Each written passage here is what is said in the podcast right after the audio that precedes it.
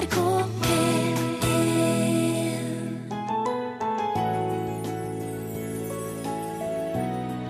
Vel møtt mellom himmel og jord. Vi kaster blikket bak over skuldra i dag. I årets løp så har vi møtt en prisbelønt skuespiller. For jeg har alltid gått og sagt at jeg er James Bond, jeg er Batman. Og så, så, der og da så tenkte jeg at nå er jeg ikke psykisk utviklingshemma, nå er jeg de rollenavnene, liksom. Vi har vært på besøk hos et ektepar som var usikker på sin felles framtid, som prøvde seg med seks måneder uten kontakt. Men så måtte jeg kjøpe en ny ryggsekk. Så jeg satt tidlig og ventet på en, utenfor en, en fortauskafé utenfor en sportsbutikk for å vente på at den skulle åpne så for få kjøpt en ny ryggsekk. Jeg husker jeg satt med en, en kaffe med melk, og da følte jeg så sterkt på savnet etter kona mi. Margrethe Nåvik eh, heter jeg. Vi møter de her på nytt i dag, og vi går i dypet av Nidarosdomen på jakt etter helgenkongen Olav Haraldsson. Jeg må nesten bøye meg ned og se på tennene der, altså. Det er imponerende fine tenner. Men denne mannen har ligget her da i ja, snart 1000 år. Tenk det. Ja. Sist vinter møtte Miriam Wiklund Hermod og Renate, som etter over 30 års samliv begynte å lure på om de ville leve resten av livet med hverandre, egentlig. Ungene var ute av huset. Renates mor hadde vært pleietrengende i seks år, og hun hadde bodd hjem hos dem. De var sliten og usikker på sin felles framtid. Vi satte opp en slags kontrakt. Den ble ikke skriftlig kontrakt, men vi, hadde, vi sa det at vi, vi skulle ikke skilles i det inneværende halvåret. Vi skulle ikke selge huset eller gjøre noen store forandringer, og ingen skulle inngå et nytt forhold. Men vi skulle ha minst mulig kontakt, slik at hver av oss fikk sjans til å gå i dybden og tenke hva er det jeg ønsker av livet.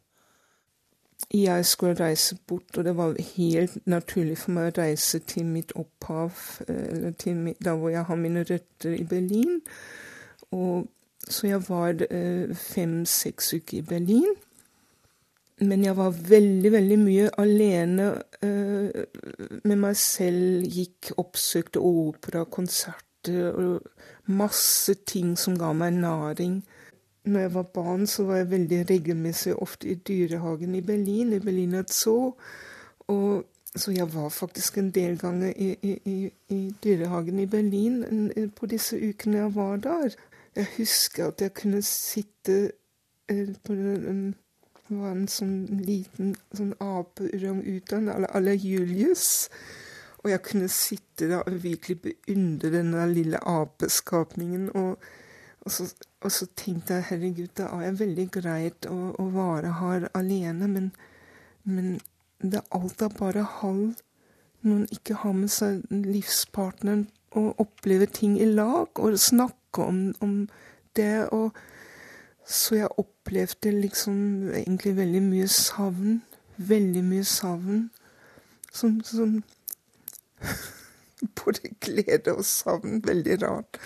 Og så jeg, jeg bestemte meg egentlig ganske i løpet av den tida i Berlin at, eh, at jeg ønsker egentlig veldig å, å, å tilbringe resten av livet med Hermod.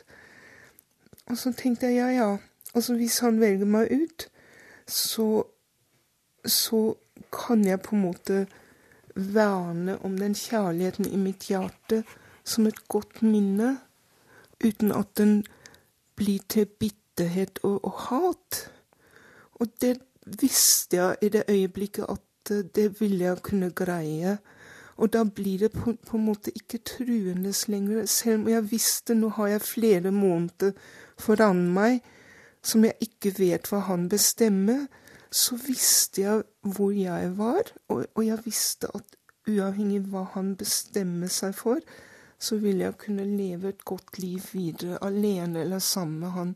Og det ga meg en slags sånn trygghet og, og en god følelse at egentlig den resterende tida alene, den, den, den var bra. Så når hun kom tilbake, så dro jeg til den uh, pilegrimsvandringsruten i Nord-Spania. For da kunne jeg være alene med meg sjøl og mine egne tanker og bare vandre dag etter dag i å finne ut hvem er jeg egentlig, og hva vil jeg egentlig med resten av livet. Jeg bare gikk og prøvde å tenke Jeg hadde den boktittelen til Thich Nathan, Hanh. Han har en bok som kom ut for mange år siden som het 'Hvert skritt er fred'. Og Jeg tenkte ikke på innholdet i boken, men jeg tenkte bare på boktittelen. At hvert skritt er, en, er fred, et hvert skritt er en bønn.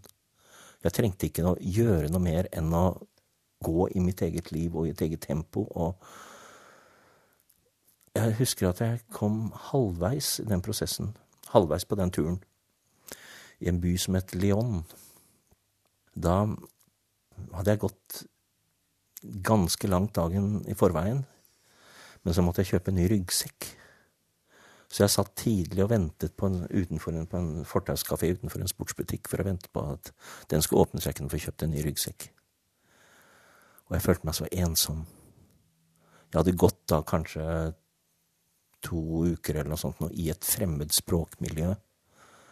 I en fremmed verden, i en fremmed kultur, i en fremmed eh, si, religiøs sammenheng som for så vidt jeg ikke eh, kunne egentlig finne meg helt til rette i sånn. Men akkurat da så følte jeg meg så utrolig ensom. Eh, og jeg husker jeg satt med en, en kaffe con leche, en kaffe med melk, og skrev i dagboka mi. Og da følte jeg så sterkt på savnet etter kona mi. For vi har en utrolig godt vennskap. Og hun er vel kanskje den av oss som, som gjør at vi får venner uansett hvor vi kommer. Jeg er ikke sånn. Jeg er mer innadvendt, og hun er mer utadvendt. så tenkte jeg å, så, så mye godt vi har opplevd sammen. Og så bestemte jeg meg der og da. Jeg vil fortsette livet sammen med henne. Og så holdt dere tett om, om hva dere hadde kommet fram til? Ja, vi holdt tett. Inntil? Inntil Helmut kom hjem fra pilegrimsvandringa. Det var, var, faktisk Han drakk hjem på bryllupsdagen vår. så det var, det var kjempesterkt. Han skulle egentlig komme en uke etterpå, men han hadde gått så fort at, at han kom uke, en uke før planlagt. Hvilken dag er det? Det var 6. august. Var du redd? Um, ikke redd, for jeg hadde jobba så mye med den brikken da, å bli alene, at uh, jeg var ikke redd. Men, men, jeg var veldig spent. Det er sånn sommerfugl i magen. Det er ikke sånn, Nesten som et, som et først, sånn first date. Men du da, Hermod? Jeg var nok kanskje litt roligere. Jeg tror ikke jeg hadde så veldig mye sommerfugler i magen. For jeg, jeg hadde jo bestemt meg, og jeg ante hva hun hadde bestemt. Jeg, jeg, sånn, ja. ja nei, jeg, jeg, kjenner deg jo såpass, da. At jeg, jeg, visste jo ikke, selvsagt, men jeg hadde jo en viss feeling, da. Ja, men det hadde jeg også, ja. men, men, eh, jeg kunne ikke være sikker på det. Nei da, nei da. Men etterpå, da? Hvordan ble det? Annerledes? Ja, det ble Det var godt å få den ta den beslutningen ut ifra det mennesket jeg var, og ikke det mennesket vi var sammen. For det er kjempeforskjell, altså. Er det det?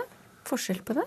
Ja, fordi at når vi er i et samliv, så flyter vi jo i hop, og vi tar beslutninger i fellesskap, og ingen vet hvem som starter, og hvem som fortsetter, og så, Men når du går der alene, så må, ta, må alle beslutninger tas ut ifra en sjøl, og det er ingen å dele med. Mm. Og da hadde vi en ny, en ny ståsted sammen, syns jeg. Det var på en måte en, virkelig en fornyelsesprosess å være seks måneder med seg selv og virkelig klarne opp og rydde opp og, og finne ut og, og Først, Første gangen så ble vi gift. Andre gangen så valgte vi hverandre.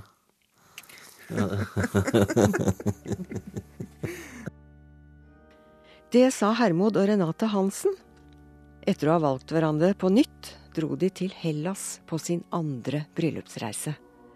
Det var en regntung høstnatt at de tok bilen til flyplassen, og midt i en tordenbyge satte de på radioen. Ut strømmet denne musikken, som de begge fant svært vakker. Senere skaffet de notene til koret de synger i, og det er nettopp dette koret du hører her, Ringsaker kantori. Vi hører altså litt fra det de ser som sin egen kjærlighetsmusikk. Sanktus fra fredsmessen til den polske komponisten Felix Novojevskij.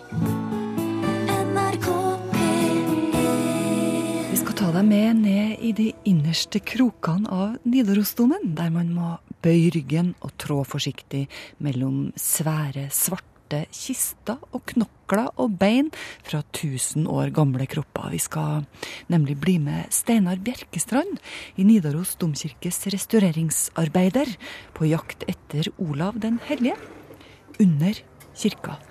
For eh, det skal være her han ligger, helgenkongen som døde for nesten 1000 år siden.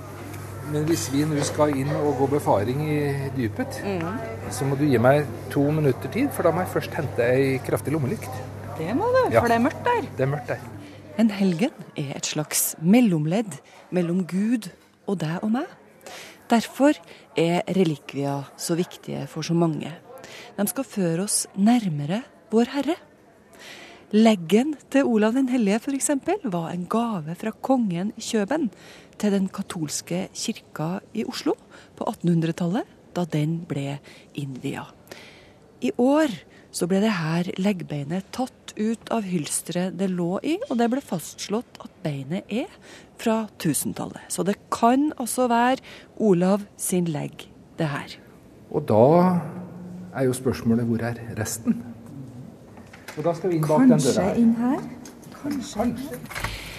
Vi beveger oss innover i Nidarosdomens underganger. Steinar Bjerkestrand og jeg. Han åpner den ene døra etter den andre og låser oss inn forbi gravsteiner og svære, svarte kister og gjennom smale ganger. Og jeg må jo innrømme at eh, da man fastslo i Oslo at dette faktisk med stor sannsynlighet kan være leggbeinet til St. Olav, så måtte jeg jo bort til å se på han kameraten som vi har under glasslokk her, for å se om han virkelig har alle leggbeina sine. Men St. Olav sies det jo nå, da, med navnet Olav Digre. Han, han var jo en stor mann. Ja. Og denne karen som ligger her, er en stor mann. Han er begravet på 1000-tallet. Så begge leggbeina er på plass? Her er begge leggbeina på plass, så, så dette er ikke da den samme. Jeg må nesten bøye meg ned og se på tennene her, altså. Det er imponerende fine tenner. Men denne mannen har ligget her da i ja, snart 1000 år. Tenk det. Nå står vi ved ei stålkiste som den 18. juni 2012 ble satt ned her med levninger etter 14 personer som tidligere lå gravlagt under Nidarosdomens kor. Og Det vi vurderer i første omgang å søke om, det er å få lov til å gå inn og ta karbon-14, altså dateringsprøver, på noen utvalgte av dette, for å se om noen av disse kan være fra 1000-tallet. Så dette her er ei kiste som er 1 ganger 1,20 eller noe sånt. Ja, Svær no- no- sånt. metallkiste. Ja, det er det. Men nå kjenner jeg at dette virker ganske sterkt på meg. Gå Ja. nedi her og se på de gamle tingene. Og samtidig som jeg lurer på hvorfor Hvorfor er det så viktig egentlig å finne ut om Olav den hellige ligger oppi stålkista her, f.eks.? Det er det jo veldig mange som mener veldig mye om. Ja. Det er ikke sikkert det er viktig i det hele tatt. Altså det, det er historia, det er fortellingen, det er det, resultatet av det de gjorde. Det er det som er viktig, nemlig at kristendommen begynte å blomstre i Norge. Samtidig, det å være fysisk nær historia, det føler vi vel alle sammen, enten vi reiser i eget land, eller særlig når vi nå reiser ut i utlandet. Det å komme nær de romerske ruinene, det å sitte på Colosseum og tenke seg hvordan de slåss og hvordan løvene herja med folk, det, det gir oss en mye sterkere følelse av dette. Og når vi da kommer inn til det som er troens opphavsmann i Norge, da, så er det klart at vi står ved fundamentet til hele Den norske kirke, og vi står ved hele begrunnelsen til hvorfor denne store katedralen ble bygd. Og det da å kunne få identifisere han, det er, spennende, sånn, det er et spennende historisk moment. eh, Men det gjør noe med vår historieforståelse, og det gjør noe med vår sammenheng. Altså Vi ser oss i sammenhengen. Han og jeg hører sammen fordi han gjorde noe som betyr noe for meg tusen år etter. Og kanskje ligger han her, liksom. Kanskje ligger han her. Det det er.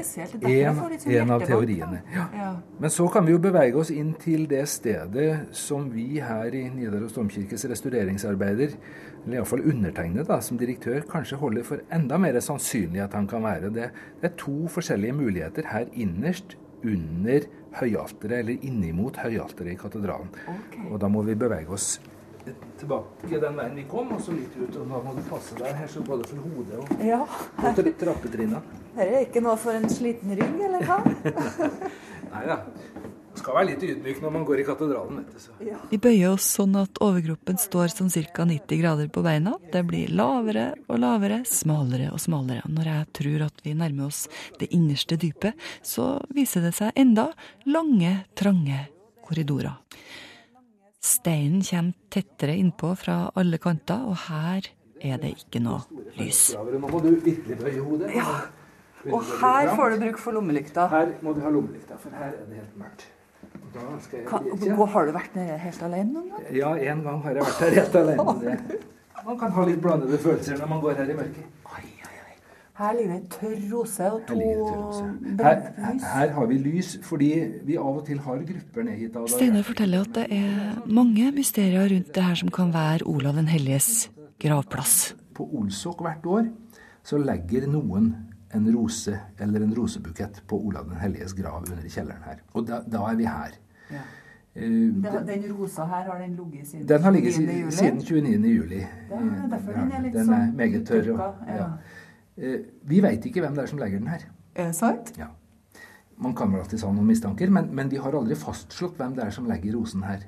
Men du sa nettopp at du har vært nedi her alene en gang? Ja, det har jeg òg, men da uten rose. Men, men da, da, lå det roser her, og det, det, ligger bestandig roser her. Altså Rundt Olsok så er de friske, og så lar vi dem ligge, da. Mm. Mysteriet, mysterium? Ja, det er et mysterium. Og, du kan jo også si at i Nidarosdomen er det kanskje vel så viktig å holde på myten som det er å holde på faktum. Jeg tenkte akkurat å spørre om det, for hvis dere nå finner en, da Ja, hva, hva, er det, det vi mister da? Ja, Det er jo ulempen med det historiske, at da blir det så sikkert. Ja. At vi finner han, eller at vi ikke finner han. Mm. Det er kanskje det dummeste. Ja. Men det kan jo også hende at han er gravlagt under høyalteret. Mm. Et eller annet sted i gulvet under høyalteret. Der har det aldri vært foretatt arkeologiske utgravninger. Og hvis arkeologene skulle begynne med dette, mm. så må vi bevege oss denne veien. Nå må du virkelig passe hodet enda litt mer. For da kommer vi så langt som det er gravd i Nidarosdomen. Så håper jeg du husker veien tilbake. Altså. Ja, vi får prøve det, da. Her er vi ved enden. Hit er det gravd, og ikke lenger. Og nå er vi ved Hvis vi nå sto oppe i kirka, så ville vi være ved trappa opp til høyalteret. Okay. Steinar snakker om uh, Erling Skakke og Thomas von Westen, som begge ligger her, innerst. Og kanskje Olav Haraldsson også. Men hva tenker en om de her relikviene? Hvorfor er de så betydningsfulle for oss? Ja, vi, altså, vi har jo alle våre ting som vi tar vare på. Mm. Eh, relikvier fra middelalderen var jo viktig, iallfall i det middelalderske samfunnet, fordi man, fordi man, man eh, tiltrodde det magisk kraft. Mm. At når man var nær det fysiske, så ville også den kraften som var knytta til personen, stråle over på deg. Det er en slags sånn et ledd opp til Gud? Ja. Er det? ja. ja. Iallfall er det mange som ser på det sånn. Det er fortsatt i Europa veldig mange som er opptatt av nettopp det. Mm. Vi var på studietur til en by som heter Jarts i Nord-Romania i fjor. Hvor eh, Santa Paraceva ligger begravet, og i en glasskiste. Og der var altså køen på det meste på hennes helgendag. Den var på over tre kilometer av folk som ønska å komme fram til den eh, helgengraven. Så dette er viktig for mange. Mens vi her i, i det nordvestre hjørnet av Europa, vi, er, vi, vi, har liksom den lutherske skepsisen til dette. Så vi er mye mer rasjonelle. Vi har et mye mer teoretisk forhold til ting. Og er ikke så opptatt av det. Men det blir jo sånn som du sa eh, da du sto inne ved stålkista. Hjertet dunker litt ekstra. Og, og det gjør det på meg òg når jeg kommer inn til den eh, steinplata helt innerst. Eh, nettopp fordi at vi kanskje fysisk er i nærheten av noe som har hatt så stor betydning i norsk historie. Og det setter meg som et lite menneske inn i en stor sammenheng. Og derfor er det viktig. Men da får vi ta oss tilbake og begynne å rette ryggen og finne ut helt fremme der det er lys og gang igjen. Direktøren i Nidaros domkirkes restaureringsarbeider, Steinar Bjerkestrand, han låser oss ut gjennom alle dørene opp i kirkerommet i Nidarosdomen. Jeg retter ut ryggen og puster inn frisk luft, og blir i grunnen like imponert som alltid når jeg kommer inn i dette rommet, enda jeg har vært der utrolig mange ganger. Jeg tenker på at det enorme bygget her, Nidarosdomen, det står her fordi Olav Haraldsson, sjørøveren fra tusentallet, av ulike årsaker bare ett år etter sin død var omskapt til helgen. Du husker vel å ta på deg kondomer, Erik? Den første dame jeg lå med, var prostituert. Jeg fikk sopp. Det her er skuespilleren Svein André Hofsø. I høst hadde filmen 'Detektiv Downs' premiere. Svein André har hovedrollen, og mange gode ord har blitt sagt om hans innsats. Vi kommer aldri til å bli kjærester. Det tror du, ja. Han vant også prisen for beste mannlige skuespiller under filmfestivalen Fantasy Fest i Texas for denne rollen. Det her med å spille roller, det er ikke noe nytt han har begynt med. Eh, Jeg har vært på en måte skuespiller helt siden jeg var liten. For eh, jeg har jo lekt fra Kardemommen by, politimester Sebastian og lokomotivet Thomas helt siden jeg var barn. Så uh, man kan si at jeg var skuespiller på mitt nivå helt siden jeg var liten. Men det er først denne helga Svein André dukker opp på kinolerret over hele landet i rollen som Robert Bogerud, privatdetektiven som får i oppdrag å finne den bortførte skøytehelten Olav Stjernen. Men som barn setter Svein André seg ofte inn i rollen som en annen person. Han husker spesielt én episode der han skulle være Batman. Fra gamle TV-seriene så gled han på gelender for å ha på seg Batman-drakta, og det gjorde jeg selv også. Så, altså, men så gikk den andre, andre beinet over. Så jeg hang der, eh, for det var to trapper. Så jeg hang der og Så jeg holdt på liksom å ramle nede i underetasjen. Så mamma dro meg opp, da, så hun avverga, avverga at jeg falt, da. Svein André har reflektert mye rundt barndommen, og det at han ofte setter seg inn i ulike roller som liten gutt. Jeg, jeg, jeg syns det er veldig bra å være noe man egentlig ikke er, liksom. Var det på en måte av og til å, å komme seg litt vekk ifra hverdagen, altså drømme seg litt bort? Ja. Tenker, da tenkte jeg ikke på at jeg er psykisk utviklingshemma som har Downs syndrom. Mm. da, da, for jeg har alltid gått og sagt at jeg er James Bond, jeg er Batman. Og så så, så, så øh, Jeg veit jo selv at jeg ikke er de. Men, jeg, men der og da så tenkte jeg at nå er jeg ikke psykisk utviklingshemma. Nå er jeg de, de eh, rollenavnene, liksom. Mm. For å, for å skjule at jeg, at jeg er psykisk utviklingshemma. Er det vanskelig å ha Downs syndrom? Føl, følte du at det var vanskelig å ha Downs syndrom i oppveksten? Ja, jeg følte det. For å være helt ærlig, så følte jeg det at jeg At, uh, at jeg har Downs syndrom. For da følte jeg ikke Jeg følte jo at jeg ikke var bra nok. Da. Det gjorde jeg. Mm. Hva, hva var det som var utfordringen? Hva, hva var det som var vanskelig? Det var Det er jo Man skal jo egentlig innse at, at man er den man er. Men det er ikke bestandig jeg gjør, liksom. Det er liksom eh, litt rart, liksom. Hva tenker du om det å ha Downs syndrom nå, da?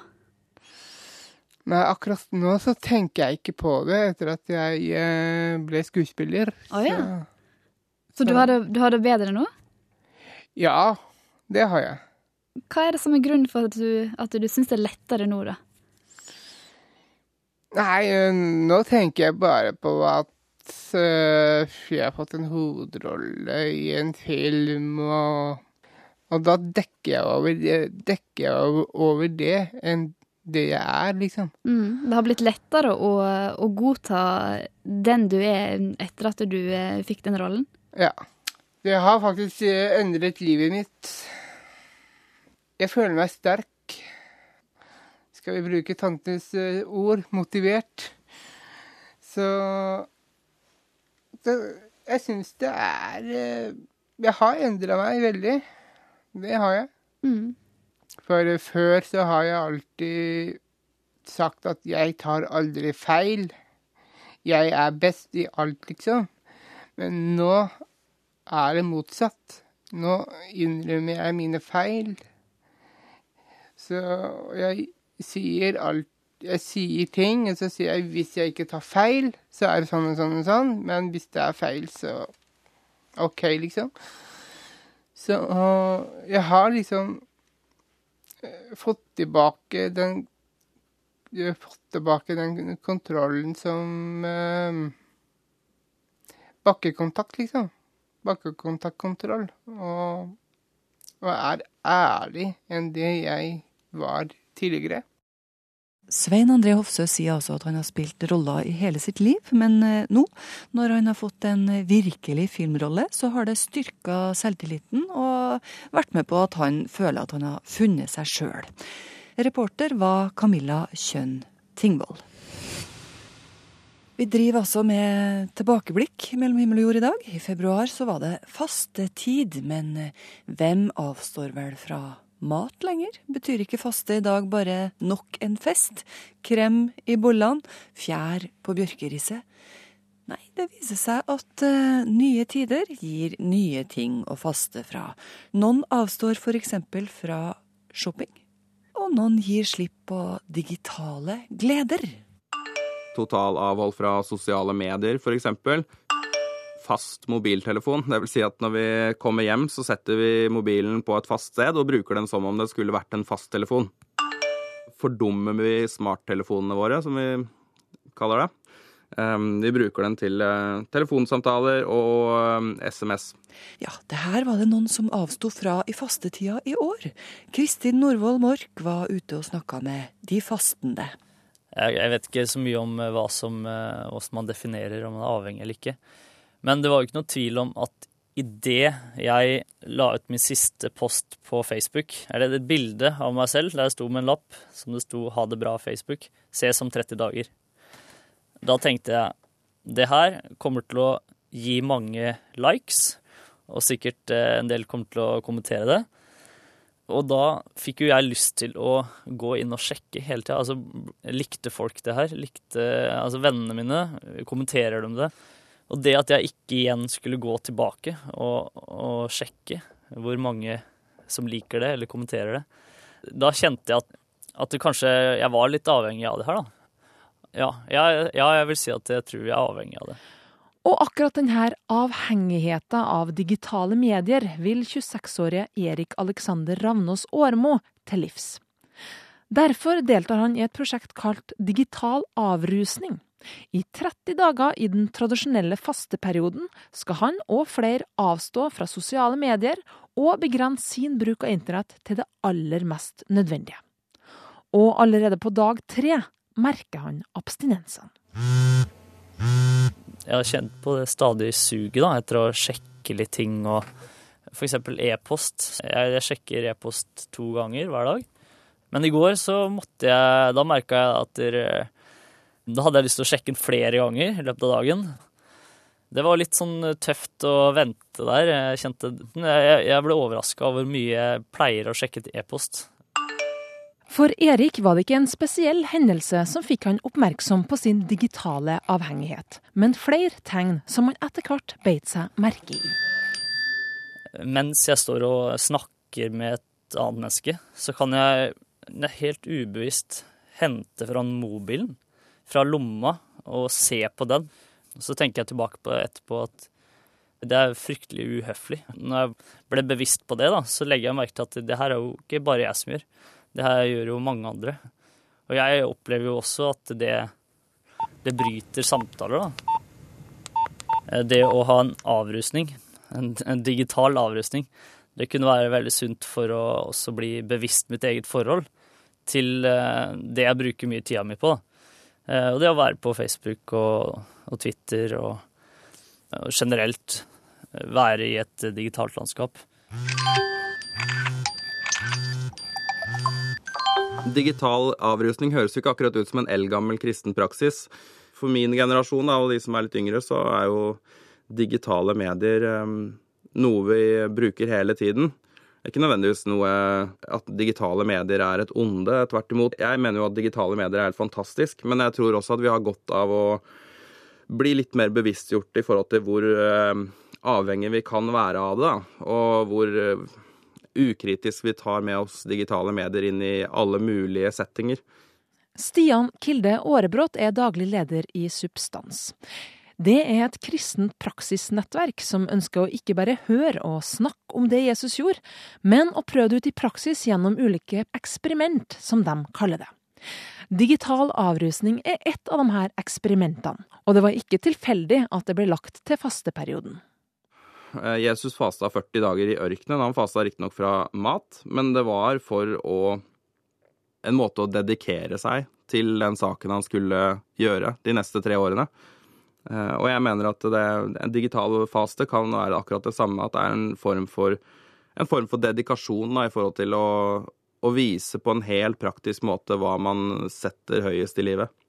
Noe av det viktigste er vel det å bli bevisstgjort i hvor mye tid som faktisk blir frigjort når man faster fra digitale medier. Jeg er helt sikker på at jeg har fått en gratis time i døgnet mer nå. Og jeg vet at den tiden til overs, den er der fordi jeg har tatt et valg. Men nå har jeg faktisk fått frigjort så mye tid at jeg har jo um, mulighet til å lese avisene mine. Og det at jeg har lagt fra meg mobiltelefonen, gjør jo at jeg har fått mye mer ro til å lese. Altså rent fysisk. Jeg har blitt mindre rastløs. Eh, selv om det kommer sånne at jeg tenker nå skulle jeg ha sjekka Facebook eller sjekka en e-post. Sånn. Eh, det kommer sånne abstinenser innimellom, men hovedsakelig så har jeg fått mer ro da, allerede etter bare et par-tre dager. Hva håper du å få ut av det her når du er ferdig med denne digitale fasten? Jeg håper at jeg får en ny bevissthet rundt uh, bruken av det. Det er kanskje å, å, få renska litt opp i hva er det som er nyttig, og hva er det som er unyttig bruk. Uh, og kanskje uh, få noen nye rutiner rundt min egen bruk.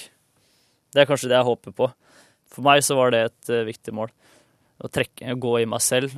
Gå, gå tilbake til de tingene som betyr aller, aller mest for meg som å være sammen med venner, familie, bruke tid med Gud. Vi hørte Erik Alexander Ravnås Årmo og Stian Kilde Årebrott, som altså hadde en digital fasteperiode på 30 dager i 2013. Det skal sies at det var lov å sjekke busstidene på netta, eller å betale strømregninga i nettbanken. Det her var et lite tilbakeblikk på det vi har holdt på med i Mellom himmel og jord i 2013. La oss leve for hverandre og ta vare på det året som kommer. Ansikt til ansikt eller gjennom digitale kanaler. Margrethe Nåvik heter jeg. Vi er sjølsagt på plass første søndag i det nye året. Med nye møter med nye mennesker, og kanskje noen nye tanker som ingen har tenkt. Himmel og jord krøllalfa nrk.no. Hør flere podkaster på nrk.no podkast.